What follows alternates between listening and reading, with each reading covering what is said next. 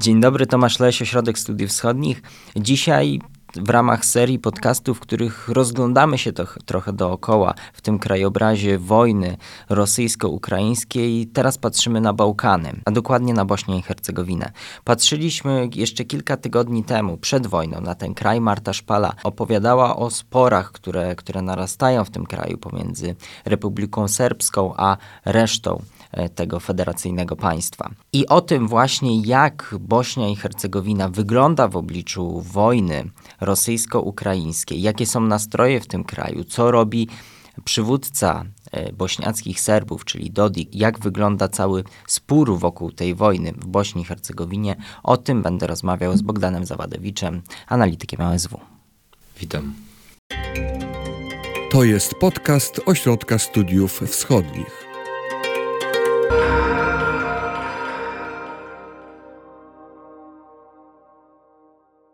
Tak jak wspominałem, my, my w poprzednim podcaście jeszcze z Martą Szpalą rozmawialiśmy o tym. Andrzej Kochut ją pytał o, o ten krajobraz bośniacki Bośni i Hercegowiny. Tam y, tłumaczymy to od podstaw. Tutaj, tutaj ten temat rozszerzymy w kontekście właśnie oczy, ostatnich oczywistych wydarzeń. Trwa, tak jak mówiłem no, we wstępie, spór y, Republiki Serbskiej z resztą Bośni i Hercegowina, Bośni i Hercegowiny. Sarajewem. Między Sarajewem i ten spór też widać w tej wojnie. To znaczy Dodik, przywódca Republiki Serbskiej, ma trochę inne podejście niż, niż reszta. Tak, zgadza się. Znaczy kwestia, e, czy powiedzmy inaczej, wojna na Ukrainie, czy agresja Federacji Rosyjskiej na, na Ukrainę ujawniła, czy stanowi kolejną odsłonę konfliktu politycznego i instytucjonalnego, który który istnieje w Bośni i Hercegowinie. Mianowicie chodzi w tym przypadku głównie o stosunek władz państwowych Bichu do e, kwestii po pierwsze naruszenia integralności terytorialnej e, państwa ukraińskiego, a po drugie wprowadzenia e, mechanizmu sankcji wobec Federacji Rosyjskiej. Jak rozumiem, zderzają się dwa podejścia, prozachodnie i prorosyjskie. I prorosyjskie, jak możemy się spodziewać, to jest Republika Serbska. Upraszczając nieco, e, oczywiście możemy stwierdzić, że, że Republika Serbska jest e, zorientowana bardziej na Rosję, natomiast e, drugi entitet e, i tak jak i władze centralne Bośni i Hercegowiny są, stoją bardziej po stronie, stronie zachodu. Jeżeli chodzi o Republikę Serbską, znaczy mieliśmy, mieliśmy sytuację, w, którym, e, w której e, władze centralne musiały podjąć decyzję formalną odnośnie E, stosunku pozycji państwa BIH wobec konfliktu na Ukrainie. 2 marca było, odbyło się głosowanie w, narodach, w, w Zgromadzeniu Ogólnym Narodów Zjednoczonych, w, których, w którym mm, ambasador BIH głosował za rezolucją potępiającą agresję rosyjską na, na Ukrainę i wzywał, rezolucja ta wzywała także do mm, wycofania się wojsk rosyjskich z terytorium Ukrainy. Akt ten wywołał duże kontrowersje, e, głównie wśród e, Serbów, bośniackich Serbów. E, Milorad Dodik, który jest członkiem prezydium BIH. Prezydium BIH to jest organ, który jest pełni funkcję głowy państwa, tak? To jest organ kolegialny, tak. Mamy tutaj przedstawiciela, przedstawiciela Chorwatów, bośniackich Chorwatów, przedstawiciela Bośniaków oraz bośniackich Serbów. Mm, jest to według konstytucji e, bośniackiej, e, prezydent BIH jest e, organem, który prowadzi politykę zagraniczną państwa. W związku z tym wszystkie kluczowe, strategiczne decyzje w, w, tym obszarze powinny być podejmowane przez ten kolegialny organ. Czyli jak rozumiem, Dodik zarzucił samowol, takie, no, samowolne działanie przedstawicielowi przy ONZ. Tak, znaczy on za, zarzucił e, nie tylko jemu, ale i dwóm pozostałym członkom prezydium E, niekonstytucyjne działanie, bezprawne, pozainstytucjonalne. E, ambasador Bośni i Hercegowiny przy ONZ otrzymał e, jedynie notatkę od jednego z członków prezydium, który w, w tym czasie pełnił funkcję przewodniczącego tego organu, czyli Żelko Komszicia, z instrukcjami. W tej notatce znajdowały się instrukcje w sprawie odnośnie tego, jak ambasador Bejha ma głosować na forum ONZ-u. Jednocześnie podobne notatki instru e, zawierające instrukcje otrzymała szefowa e, Ministerstwa Spraw Zagranicznych e, Bośni i Hercegowiny, która to te instrukcje przekazała dalej do przedstawiciela, do szefa misji przedstawicielstwa, przedstawicielstwa Bośni i Hercegowiny w Brukseli przy, przy Unii, przy Komisji Europejskiej. I ambasador BiH w Brukseli zgodnie z, z tymi instrukcjami złożył na ręce odpowiednich organów unijnych deklarację, iż Bośnia i Hercegowina przyłącza się do, do systemu sankcyjnego, sankcji zachodnich wobec, wobec e, e, Rosji. Te informacje czy jakby zaczęły wypływać stopniowo. E, oczywiście Milorad Dodik e, zareagował na nie dość kategorycznie, stwierdzając, że one oczywiście nie mają żadnych podstaw prawnych. E, są niezgodne z jakimikolwiek przepisami e, konstytucyjnymi. Milorad Dodik próbował e, włączyć ten punkt, punkt do obrad prezydium BIH, czy punkt, w którym głosowano by właśnie w sprawie stanowiska państwa BIH wobec, wobec konfliktu na Ukrainie. Ten punkt się ostatecznie nie został włączony do obrad. Milorad Dodik opuścił posiedzenie ostentacyjnie i stwierdził, że w takim razie nie ma mowy o żadnym żadnym, e, żadnym przyłączaniu się BIH do, do, do sankcji. E, oczywiście to jest też ciekawe, że w jakimś sensie odwołał się do mm, idei zachowania integralności terytorialnej e, Ukrainy. Nie potępił samego aktu agresji, natomiast stwierdził, iż pod żadnym warunkiem Bośnia i Hercegowina nie przyłączy się do tych, do tych sankcji, a, a w szczególności Republika Serbska. Czyli zachowa neutralny status. Zachowa neutralny status, e, który też jakby w, jego zdaniem, jakby już tak patrząc na, na większy jakby na, na, w kontekście działań, procesów geopolitycznych, jego zdaniem jest to konflikt, konflikt na Ukrainie jest konfliktem de facto między Rosją E, a e, Zachodem e, i takie państwa jak Bośnia i Hercegowina, małe, małe państwa nie powinny w nich uczestniczyć, ani i najlepszą właśnie postawą jest postawa neutralności. A jak zareagowały na to, na te zarzuty reszta prezydium, czyli Bośniacy, Chorwaci i Bośniacy? Jak oni się odnieśli do tych zarzutów? Czy, czy rzeczywiście próbowali w pewnym sensie ominąć Dodika, czy mieli jednak do tego podstawy, do takiego działania? Przedstawiciele narodu chorwackiego oraz bośniackiego argumentowali swoje działania tym, iż prezydium w innym składzie, przypomnę tylko, że prezydium BIH, członkowie tego prezydium są wybierani w, bez, w wyborach bezpośrednich, czyli mają bardzo silny mandat do sprawowania, sprawowania swoich funkcji. E, odwołała się do decyzji prezydium BIH z 2014 roku, którym potępiono aneksję Krymu, E, oraz wsparcie e, Rosji dla e, ruchów separatystycznych na wschodzie Ukrainy. Kolejnym dokumentem, który ich zdaniem stanowi podstawę do, do ich działań, jest fakt, iż Bośnia i Hercegowina E, wystąpiła, czy podpisała umowę stowarzyszeniową z Unią, z Unią Europejską już w 2008 roku i w związku z tym ma obowiązek harmonizacji swojej polityki zagranicznej bezpieczeństwa z polityką unijną. Trzecią, trzecim ważnym, istotnym dokumentem była strategia, dokument dotyczący strategii polityki zagranicznej e, Bośni i Hercegowiny, przyjęty bodajże w 2018 E, roku, też przez prezydium e, e, działające w innym, w innym składzie. Natomiast argumenty bośniackich Serbów są takie, że tak właśnie powiedziałem, że decyzje podjęte przez prezydium, prezydium w innym składzie w, w poprzednich latach nie, w żaden sposób nie zobowiązują obecnych władz do ich respektowania. Druga rzecz jest taka, że strategia dotycząca polityki zagranicznej jest po prostu zwykłym dokumentem, który, który jest przyjmowany przez e, każdą, każdy kolejny, e, kolejny, każdy kolejny prezydium e, BIH. Natomiast umowa stowarzyszeniowa z Unią Europejską nie oznacza statusu, nadania statusu kandydata Bośni i Hercegowiny, bo tylko i wyłącznie status kandydacki tego państwa mógłby faktycznie implikować konieczność harmonizacji polityki zagranicznej z, z, z polityką unijną. I większość komentatorów i także konstytucjonalistów przychyla się jednak do stanowiska bośniackich Serbów, argumentując, że to jest zbyt poważna sprawa, aby mogła być ona podejmowana lub e, decyzja w tej sprawie mogła być podejmowana lub realizowana przez inne organy aniżeli prezydent BiH. Czyli jak rozumiem, e, w obawie trochę przewidywano tą postawę Dodika i, i Republiki Serbskiej i dlatego trochę zastosowano taki obieg, obieg prawny, bo jak rozumiem, tak jak no, można było się wyciągnąć takie wnioski, że Dodik jest politykiem prorosyjskim. Możemy tak powiedzieć? Jego polityka jest Tak. prorosyjska. Oczywiście, jeszcze tylko nawiążę do kwestii decyzy- procesów decyzyjnych. Mm, Według y, przepisów konstytucyjnych każdy z przedstawicieli y, jednego z trzech narodów konstytutywnych ma prawo zawetować decyzję, powołując się na witalny interes e, swojej wspólnoty narodowej. I oczywiście wszyscy wiedzieli od początku, że jeżeli dojdzie do głosowania w prezydium Bejcha w sprawie stosunku e, pozycji państwa bośniackiego wobec konfliktu na Ukrainie, to każda decyzja będzie, która oznaczałaby bardziej e, poparcie Ukrainy i, i e, sankcji zachodnich wobec Rosji, spotka się z e, wetem e, Milorada Dodika, tak? wetem, wetem strony serbskiej.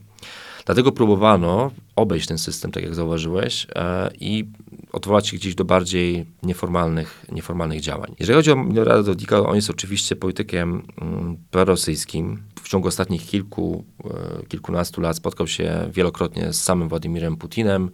Odbywał także rozmowy i spotkania z, z, z ministrem Ławrowem, a jakby jest ten, ten wymiar politycznych, politycznych relacji, które mówię, tak jak mówię, są bardzo intensywne. Również y, Milorad Dodik, jak i, jak i reszta elit politycznych z Banialuki y, dość często spotyka się z ambasadorem Federacji Rosyjskiej w Sarajewie.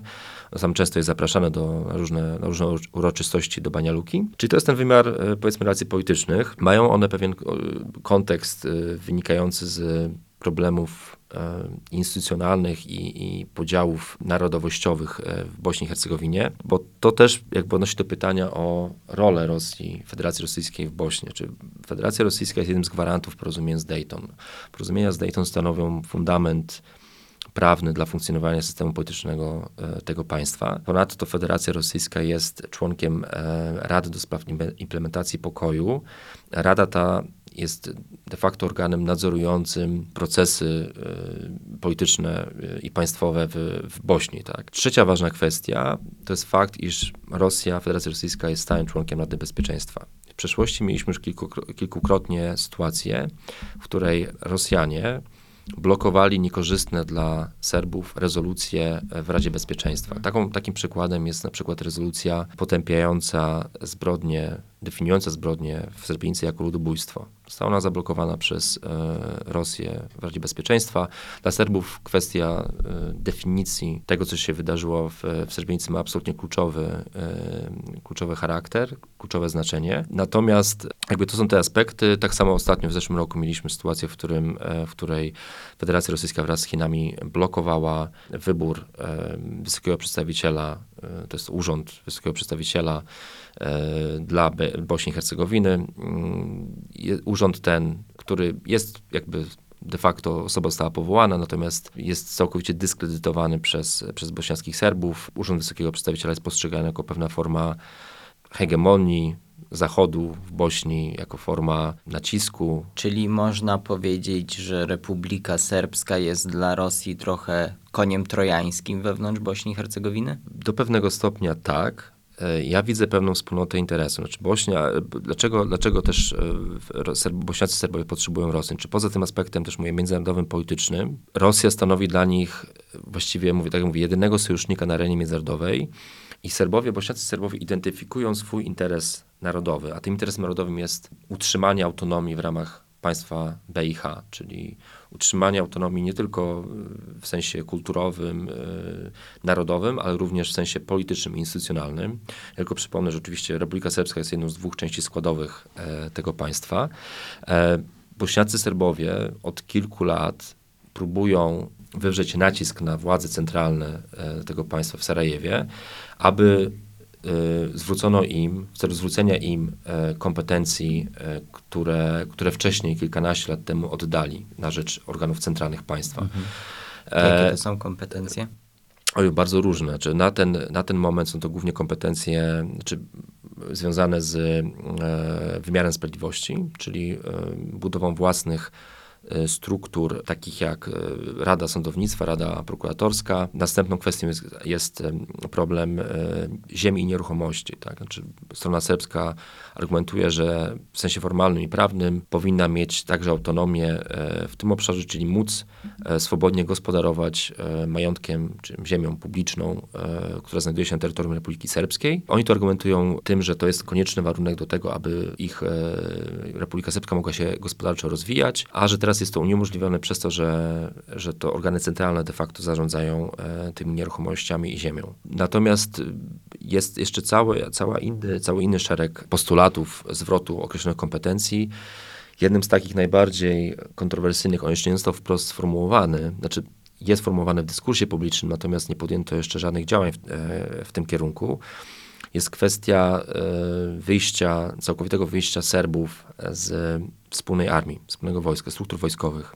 Oni chcą mieć swoją własną armię, czy... Może nie tyle swoją własną, e, ponieważ posiadają struktury policyjne, dość prężnie je rozwijają, inwestują e, dość istotnie w ten sektor bezpieczeństwa. Jest dość też kluczowy dla funkcjonowania Republiki Serbskiej. Natomiast chcą się ostatecznie, myślę, że bardziej grają na rozbicie tego e, podmiotu w sensie instytucjonalnym, e, podmiotu jakim jest, jak są struktury wojskowe. Znaczy pytanie, czy to nie jest już krok de facto do rozbicia państwa?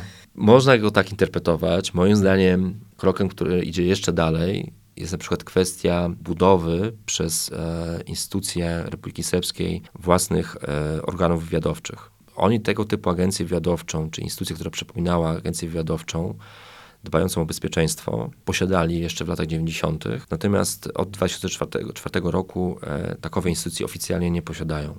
Oficjalnie. Oficjalnie. Natomiast oczywiście możemy się domyślać, też dochodzą pewne takie głosy, że w ramach ichniejszego Ministerstwa Spraw Wewnętrznych takowe instytucje, takowe organy funkcjonują. Oczywiście, no, tak jak mówię, nie mają charakteru oficjalnego i formalnego. Natomiast, tak jak mówię, oni w ostatnich czasach, e, w ostatnich latach bardzo intensywnie inwestowali w sektor bezpieczeństwa i mam tu na myśli nie tylko zakup broni, pojazdów bojowych, kwestie szkolenia e, ludzi, ale także na przykład, to jest ciekawostka, e, otwarto kilka lat temu Wydział Studiów nad Bezpieczeństwem bezpieczeństwem, e, który znajduje się w tym samym budynku co Akademia Policji. Jest to wydział, który jest oficjalnie częścią Uniwersytetu w Bania Luce, natomiast e, studenci tego, tego wydziału oczywiście też odbywają szkolenia z użycia broni e, na strzelnicy, biorą też udział w różnych ćwiczeniach policyjnych, pojawiają się na paradach z okazji Dnia, Republiki Serbskiej. Jest... Także tylnymi drzwiami.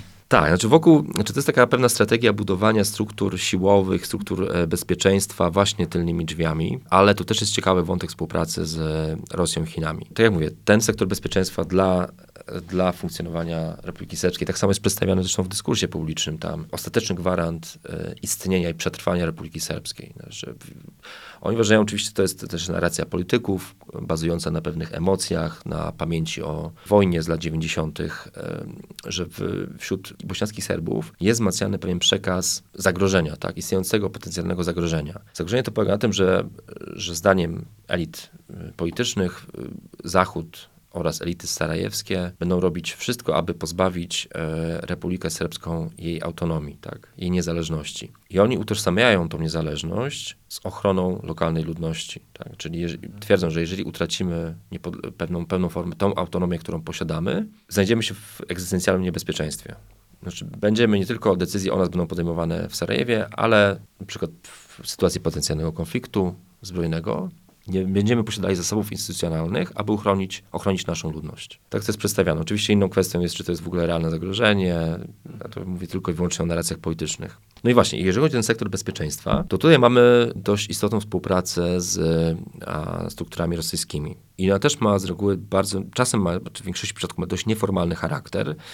Mamy na przykład wizyty e, na wspomnianym Wydziale Studiów nad Bezpieczeństwem, wizyty emerytowanych oficerów FSB, przyjeżdżających na, ze swoimi wykładami, poznających studentów, kadrę profesorską. Mamy też bardzo intensywną, e, także właśnie ten wydział, bardzo intensywną, rozbudowaną współpracę z uniwersytetami e, rosyjskimi. Ponadto też są organizowane jakieś formy szkoleń dla, przez oficerów rosyjskich, formy szkoleń e, dla członków sił policyjnych e, w Banialuce. Tylko też muszę zaznaczyć, że policjanci z Banialuki, czy ze struktur, e, e, tamtejszych struktur także uczestniczą w różnych szk- e, szkoleniach i treningach organizowanych przez podmioty zachodnie, żeby była Jasne. oczywiście pewna jasność, że to nie jest tylko tak, że oni e, współpracują tylko z Rosjanami.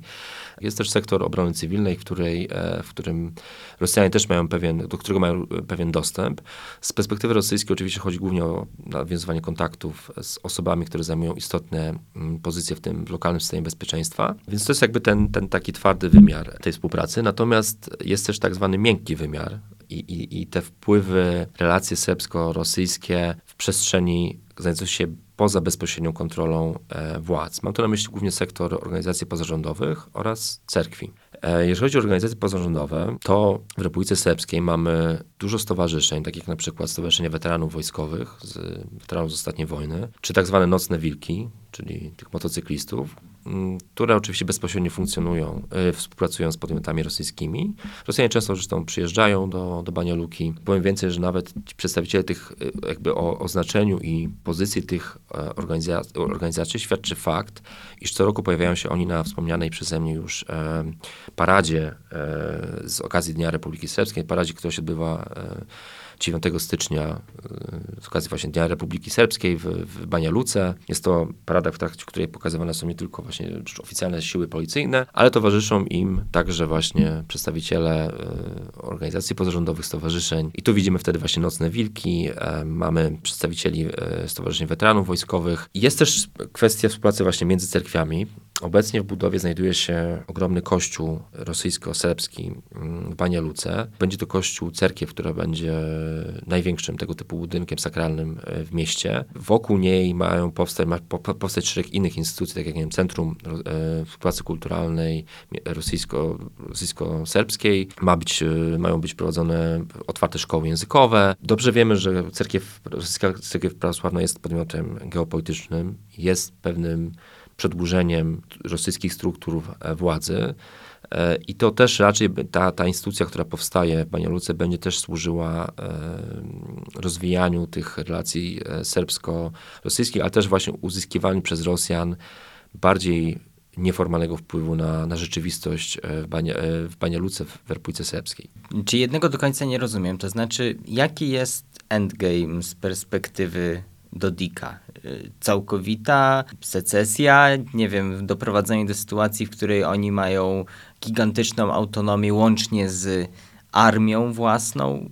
Co jest końcem gry dla niego? Czy zależy, jaką perspektywę przyjmiemy. Jeżeli przyjmiemy go indywidualną perspektywę, to z jednej strony jest to człowiek, który oczywiście jest zainteresowany utrzymaniem władzy, e, utrzymaniem, to nie tylko chodzi o niego samego, ale całe struktury wokół niego. To jest jakby takie, powiedzmy, indywidualne, indywidualna perspektywa. Natomiast jest on też człowiekiem, który rzeczywiście wierzy w tą ideę Republiki Serbskiej jako podmiotu niezależnego. I teraz jest pytanie, czy on często argumentuje, że status Republiki Serbskiej będzie definiowany globalnymi przewartościowaniami geopolitycznymi. Znaczy, on mówi, że w obecnych warunkach oczywiście uzyskanie jakiejkolwiek niepodległości, czy odseparowanie się oficjalne od reszty Bośni i Hercegowiny jest, e, jest niewykonalne, niemożliwe. Nie, nie Republika Serbska nie posiada do tego środków ani zasobów. Natomiast twierdzi, że wraz ze słabnącą e, rolą Zachodu otworzy się z czasem pewne okienko, w ramach którego Republika Serbska będzie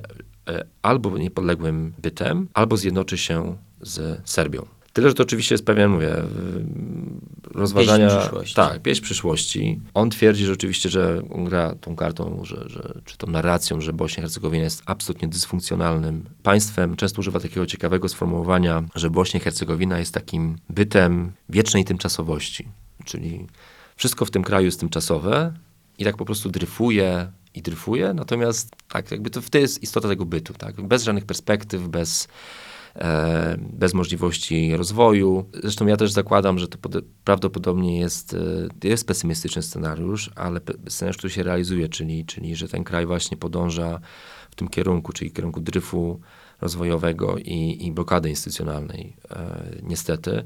Jeżeli nie będzie mógł pójść w żadnym kierunku, bo Dokładnie. jeden z podmiotów Tak. będzie blokował. Tak, czy ten system polityczny został, e, mówię, w, sensie teoretycznym został całkiem nieźle e, skonstruowany, natomiast w praktyce, mając na uwadze uwarunkowania lokalne, jest kompletnie dysfunkcjonalny. I dzisiaj Bośnia niestety jest takim państwem i, i to jest niestety smutne, natomiast może to też jakby powinno zmusić Zachód do, do jeszcze większych wysiłków, do może przyciągnięcia Serbów bardziej na swoją stronę. I nie myślę tutaj tylko o Serbach e, z Republiki Serbskiej, ale też Serbach z Serbii.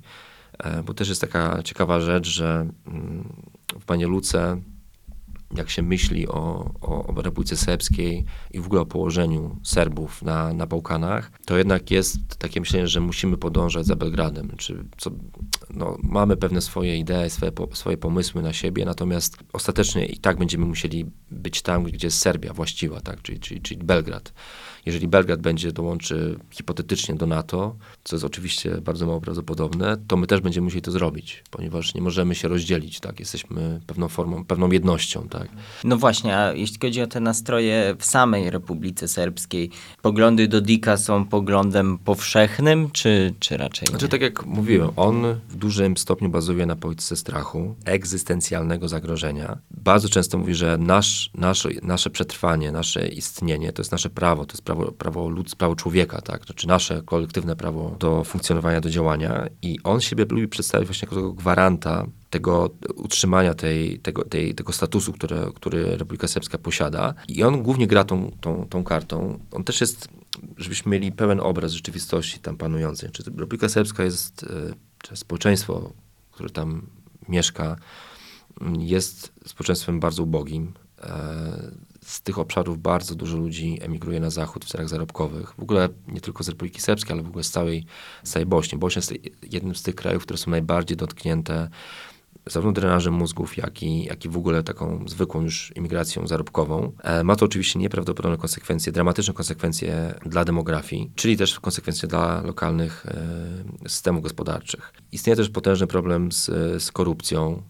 E, No wiadomo, że w takich spauperyzowanych, ubogich społeczeństwach praktyki korupcyjne jakby są bardziej rozpowszechnione.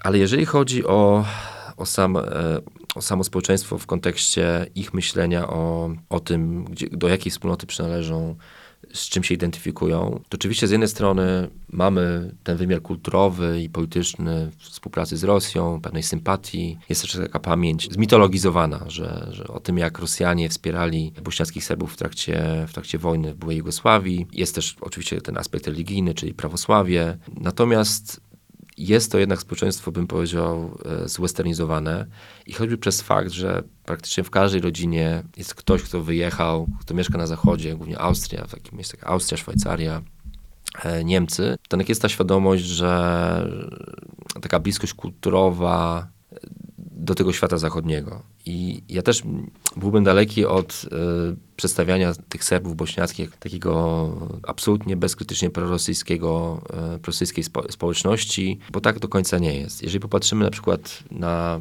też na zaangażowanie zachodnich podmiotów, y, instytucji kulturalnych, takich jak nie wiem, Instytut Goethego, Instytut Francuski, to one są oczywiście w Banialuce. W na przykład do Instytutu Rosyjskiego, który tam też funkcjonuje, jest, posiadają dużo większe zasoby, istnieje dużo większe zainteresowanie e, tymi działalnością tych instytucji.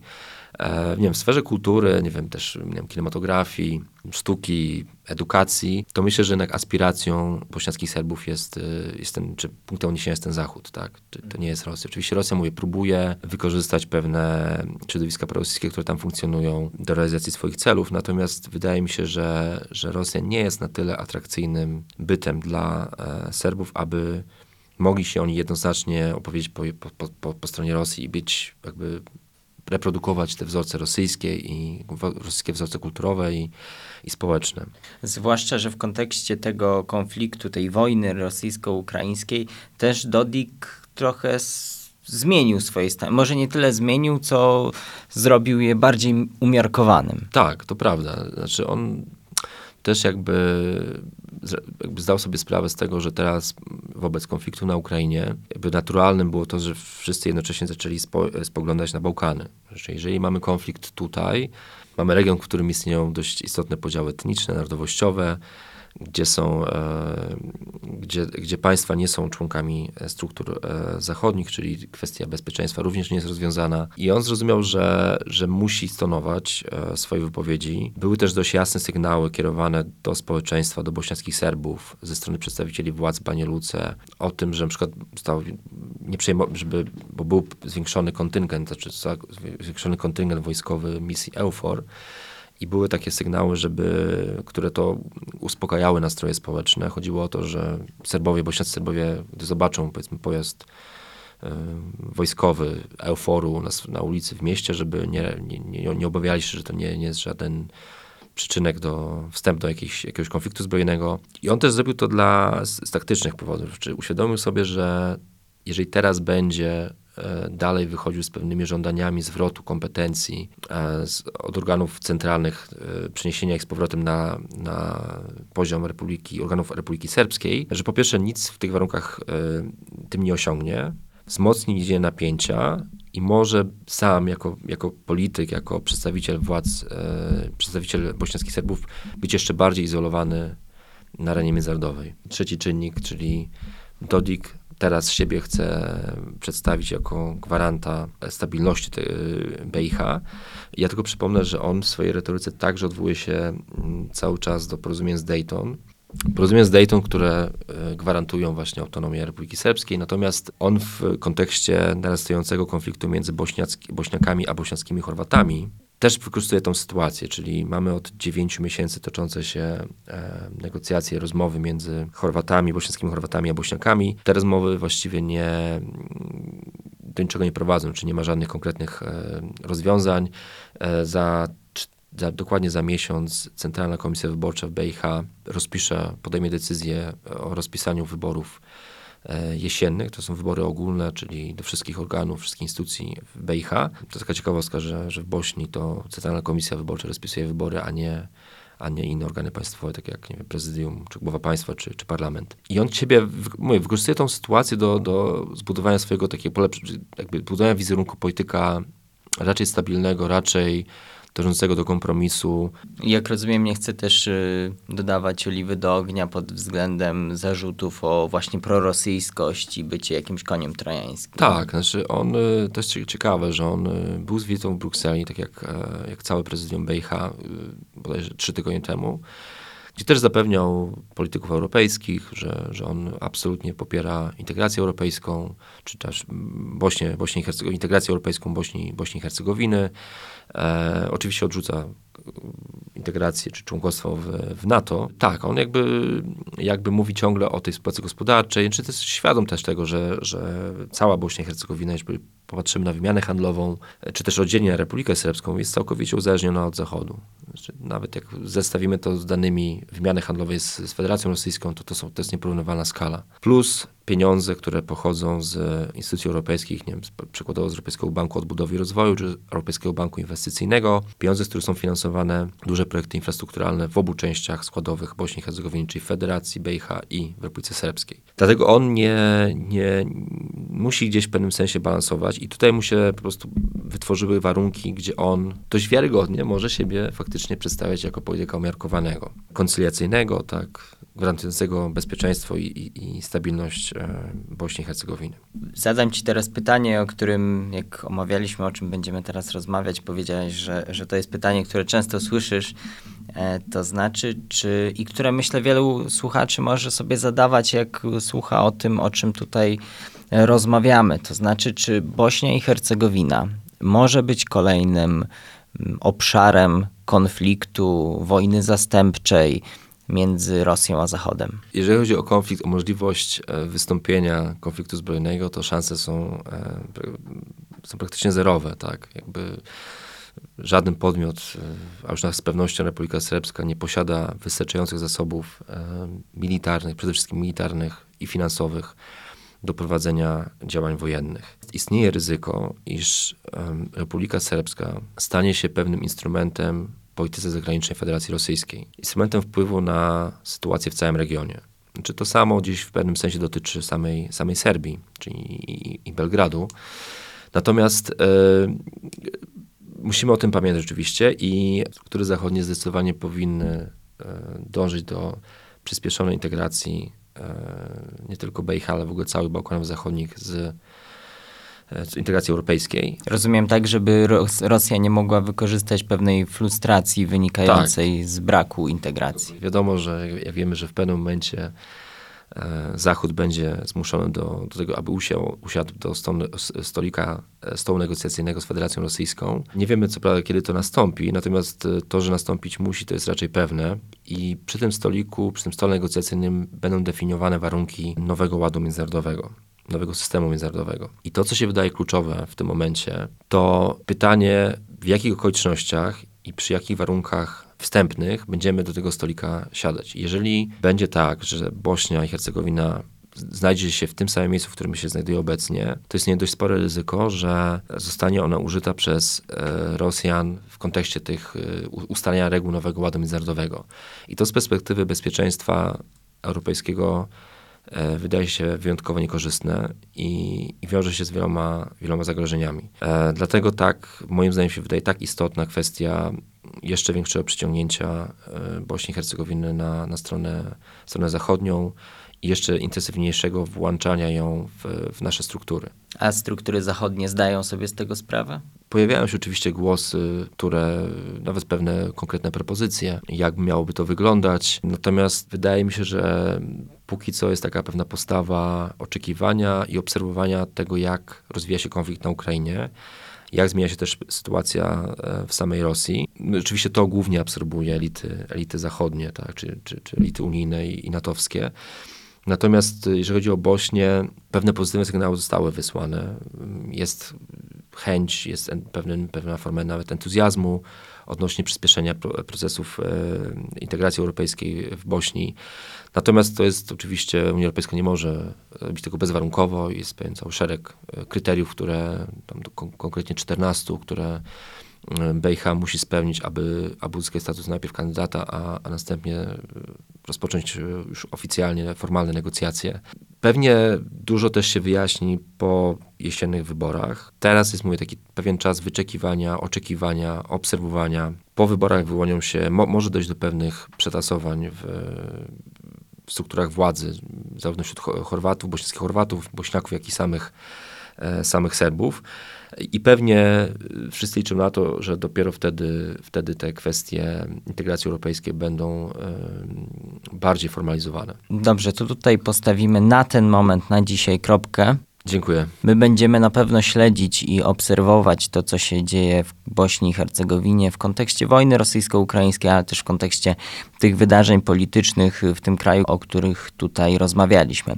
Ja zapraszam do śledzenia nas także na YouTubie. Tam filmy na temat aktualnej sytuacji w Rosji, na Ukrainie, ale nie tylko. Na osw.waw.pl publikujemy także cały czas dobowe analizy tego, co się dzieje w wojnie rosyjsko-ukraińskiej. Także zapraszam zapraszam do odwiedzania i śledzenia nas w tych wszystkich kanałach. Dziękuję i do usłyszenia w kolejnych odcinkach.